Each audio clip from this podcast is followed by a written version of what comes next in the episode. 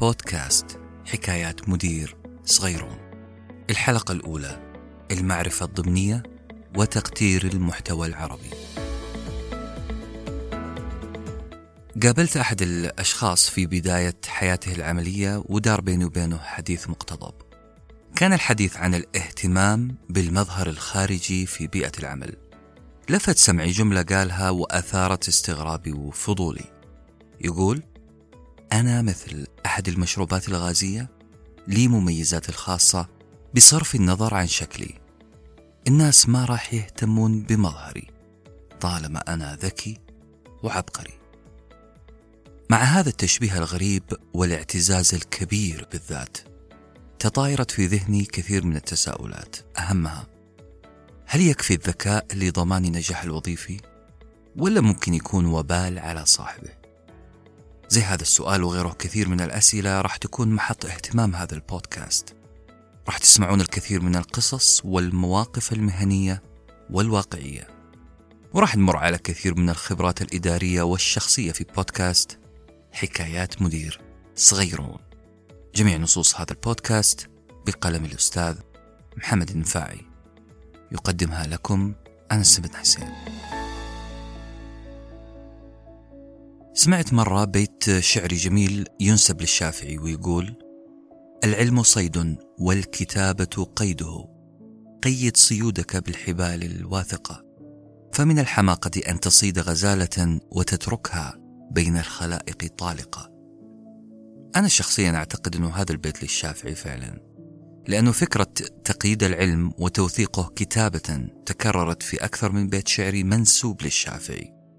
المهم هنا أنه خطر على بالي سؤال هل العلم المذكور في هذا البيت الشعري يشمل الخبرة؟ هل الخبرة أصلا علم؟ يعني بالعربي الوقت اللي أنا قاعد أضيعه في قراءة سير ذاتية لرؤساء تنفيذيين زي ستيف جوبز الوقت اللي أقضيه في قراءة قصص عن حياة هذا الرجل وعن حياة رجال آخرين ناجحين عن تفاصيل حياتهم اليومية عن تفاصيل إدارتهم نجاحاتهم هل هذا الوقت هو وقت مهدر هل أنا قاعد أقرأ مجرد قصص وخبرات قديمة ولا قاعد أقرأ علم؟ خلونا في البداية نفحص كلمة خبرة. كلمة خبرة كلمة تخوف شوية وبالتأكيد كان لها صولات وجولات في حياتكم المهنية والشخصية. أوسكار وايلد مؤلف مسرحي وكاتب إيرلندي عاش في نهاية القرن التاسع عشر يقول الخبرة هي الاسم اللي يصف به كل شخص أخطائه هذا التعريف جميل وذكرني بموقف مع رئيسي الكندي الجنسية في بدايات حياتي الوظيفية. هذا الرئيس قال لي بعد أدائي لإحدى المهام charge it to experience. وفي هذه الجملة كأنه يقول لي أنه رغم أنه أدائك كويس ورغم أنه في بعض الأخطاء اللي حصلت لكن عموما اللي حصل سجلوا على الخبرة. لا تنسى اللي تعلمته. أصدقائي المستمعين والمستمعات خلونا نفترض أنك بدأت مشروع معين. وشخص ما يحبك. عرض عليك مشاركتك أخطائه الأخطاء اللي مر عليها في مشروع مشابه لمشروعك. طبعا أخطاؤه هي نفسها خبرته زي ما يقول مستر وايلد في تعريفه. السؤال هنا هل راح تقبل العرض؟ هل راح تقبل تسمع أخطاء شخص آخر في مشروع مشابه لمشروعك؟ بالطبع راح تسمع وراح تقبل وراح تقول له شكرا جزيلا. أنت وفرت علي الكثير من المال والوقت والجهد والتخبط. أنت قدمت لي المعلومة على طبق من ذهب بدلا من عناء اكتسابها عن طريق المحاولة والخطأ هذه الخبرة المقدمة لك على طبق من ذهب هي ببساطة ما يسمى بالمعرفة الضمنية. المعرفة الضمنية عند كل شخص هي المعرفة التراكمية المكتسبة من خلال الخبرات والممارسات اليومية. مرة ثانية. المعرفة الضمنية هي معرفة تراكمية، شيء يتراكم واحد فوق الثاني. مكتسبة أي تكتسبها اكتسابا من خلال الاحتكاك من خلال التجربة. هذه الممارسات والخبرات تتحول إلى بديهيات مسلمات كأنها قانون داخل عقلك. نستحضرها أنا وأنت متى ما أردنا عشان نقلل من الخسائر أو نجني أرباح أكثر. المعرفة الضمنية اللي هي tacit knowledge. tacit knowledge. هذه المعرفة للأسف صعبة النقل من شخص إلى شخص. صعبة النقل مقارنة بالمعرفة الظاهرية. أوه إذا عندنا معرفة ضمنية ومعرفة ظاهرية. المعرفة الضمنية tacit knowledge والمعرفة الظاهرية explicit knowledge. المعرفة الظاهرية هي المعرفة اللي نجدها في الموسوعات والكتب. طبعا سهل أننا ننقل هذه المعلومات أو المعرفة من مكان إلى مكان. من عقل إلى عقل لكن الصعب هو نقل المعرفة الضمنية. بالعربي خبرات الآخرين صعب ننقلها من عقل إلى آخر مقارنة بالمعرفة الظاهرية. ولأن المعرفة الضمنية صعب نقلها. كثير من المؤسسات كثير من الشركات اهتمت بهذا الموضوع وأنشأت برامج وطرق منهجية مقننة زي برنامج مثلا اسمه نقل المعرفة Knowledge Transfer. زي هذا البرنامج مهمته وظيفته نقل المعرفة الضمنية Tacit Knowledge والاحتفاظ بها وتوثيقها. ركزوا لي على توثيقها. كثيرة هي الكتب اللي تناولت موضوع المعرفة الضمنية. منها كتاب مشهور عنوانه Tacit Knowledge كتبه مؤلف اسمه نيل جاسكوين. في هذا الكتاب جاسكوين فصل في موضوع المعرفة الضمنية. في المقابل في مؤلف عربي ممتاز عن المعرفة الضمنية ألفه الدكتور سعد غالب ياسين. عنوان الكتاب إدارة المعرفة المفاهيم النظم التقنيات.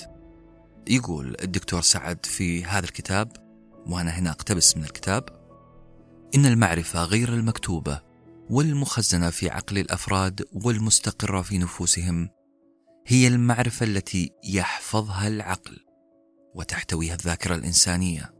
ونحاول في فترات متباعدة أن نستذكرها عبر آليات التفكير المعروفة وهي المعرفة المرمزة وغير المكتوبة وهي أشبه ما تكون بالمعرفة الصامتة المكتسبة والمسجلة في العقل. كلام كبير وأهم كلمة في هذا الكلام كلمة مرمزة. وحنشوف ليه. عندي سؤال قبلها. ليه صعب ننقل المعرفة الضمنية؟ ليش صعب أنقل الخبرة من شخص إلى شخص؟ ليش صعب أنقل خبرتي إلى ابني؟ أعتقد في سببين السبب الأول أنه صعب ندون هذه الخبرات صعب ندون هذه المعرفة المعرفة الضمنية شوية رموز رموز مخزنة في عقولنا وهذه الرموز مخزنة في الرأس وليس في الكراس والسبب الثاني محدودية وصعوبة الوصول إلى هؤلاء الأشخاص. الأشخاص اللي يمتلكون المعرفة الضمنية اللي يمتلكون الخبرات. هذه المعرفة الضمنية تنحصر في الأشخاص اللي يعمل معهم هذا الشخص ذو الخبرة أو قريب منهم. وحطوا في بالكم أنه أحيانا هذا الشخص الخبير ما عنده استعداد يشاركني معرفته الضمنية. لذلك في محدودية وصعوبة للوصول للمعرفة الضمنية. Tacit knowledge. المعرفة الضمنية. باختصار هي ثروة عظيمة. ولأن الوصول إلى هذه الثروة صعب جدا أرى أن المكتبة العربية في أمس الحاجة لإثراء محتواها المعرفي الضمني. وكيف هذا الشيء يصير؟ ببساطة عن طريق تدوين الخبرات والممارسات أيا كان نوع هذه الخبرات. إحنا فعلا نحتاج توثيق خبرات كل أولئك الخبراء اللي يحتفظون بكنز هائل. من المعرفة الضمنية المخبأة داخل عقولهم. وعندي مثال بسيط جدا نجح إنه ينقل لنا المعرفة الضمنية على الأقل نسبيا. الدكتور غازي القصيبي وكتابه حياة في الإدارة هذا الكتاب اللي يعتبر مرجع لكثير من الأشخاص هذه الأيام. أي شخص يحب يفهم الإدارة من داخل عقل إنسان خبير فيها. ألم نكن لنخسر كثيرا لو لم يفكر دكتور غازي في التدوين؟ لذلك هذا البودكاست عبارة عن محاولة بسيطة لتوثيق خبرات إدارية وعملية متراكمة اكتسبتها عبر السنوات تمتد لحوالي ثلاثة عقود. نصف هذه السنوات تقريبا في الإدارة الدنيا والمتوسطة وبالتحديد ما يعرف بال front line management وال front line management بالمناسبة هو أول سلم إداري متصل مباشرة مع العمل اليومي وفيه تواصل مباشر مع الموظفين التقنيين اللي سموهم doers أصدقائي نحن باختلاف مستوياتنا الإدارية العليا الوسطى أو الدنيا نمر بتجارب كثيرة كل يوم. هذه التجارب وهذه الخبرات يحتاجها الرؤساء الجدد. حتى الموظفين ذوي الخبرات العملية المحدودة يحتاجون مثل هذه التجارب المدونة لتجاوز كثير من الصعاب واختصار الزمن. لذلك قلت لنفسي لما أبدأ بالتدوين؟ لأن المكتبة العربية الورقية والسمعية تفتقد لمثل هذا المحتوى. أنا أمتلك معرفة ضمنية قد يوافقني عليها الكثير وقد يختلف الكثير لكنها راح تكون موجهة بشكل أساسي كما ذكرت للإداريين الجدد والموظفين الشباب اللي يسعون لتطوير وتنمية قدراتهم عن طريق التعلم من خبرات الآخرين. في النهاية أصدقائي، في قول مأثور يقول: العلم في الرأس مو في الكراس. نقدر نغير هذا المثل شوي ونقول: العلم من الرأس إلى البودكاست. لعل الاستفادة تصل إلى أكبر شريحة من المجتمع الوظيفي. انتهت حكايتنا اليوم وإلى لقاء قادم مع بودكاست حكايات مدير صغيرون في حفظ الله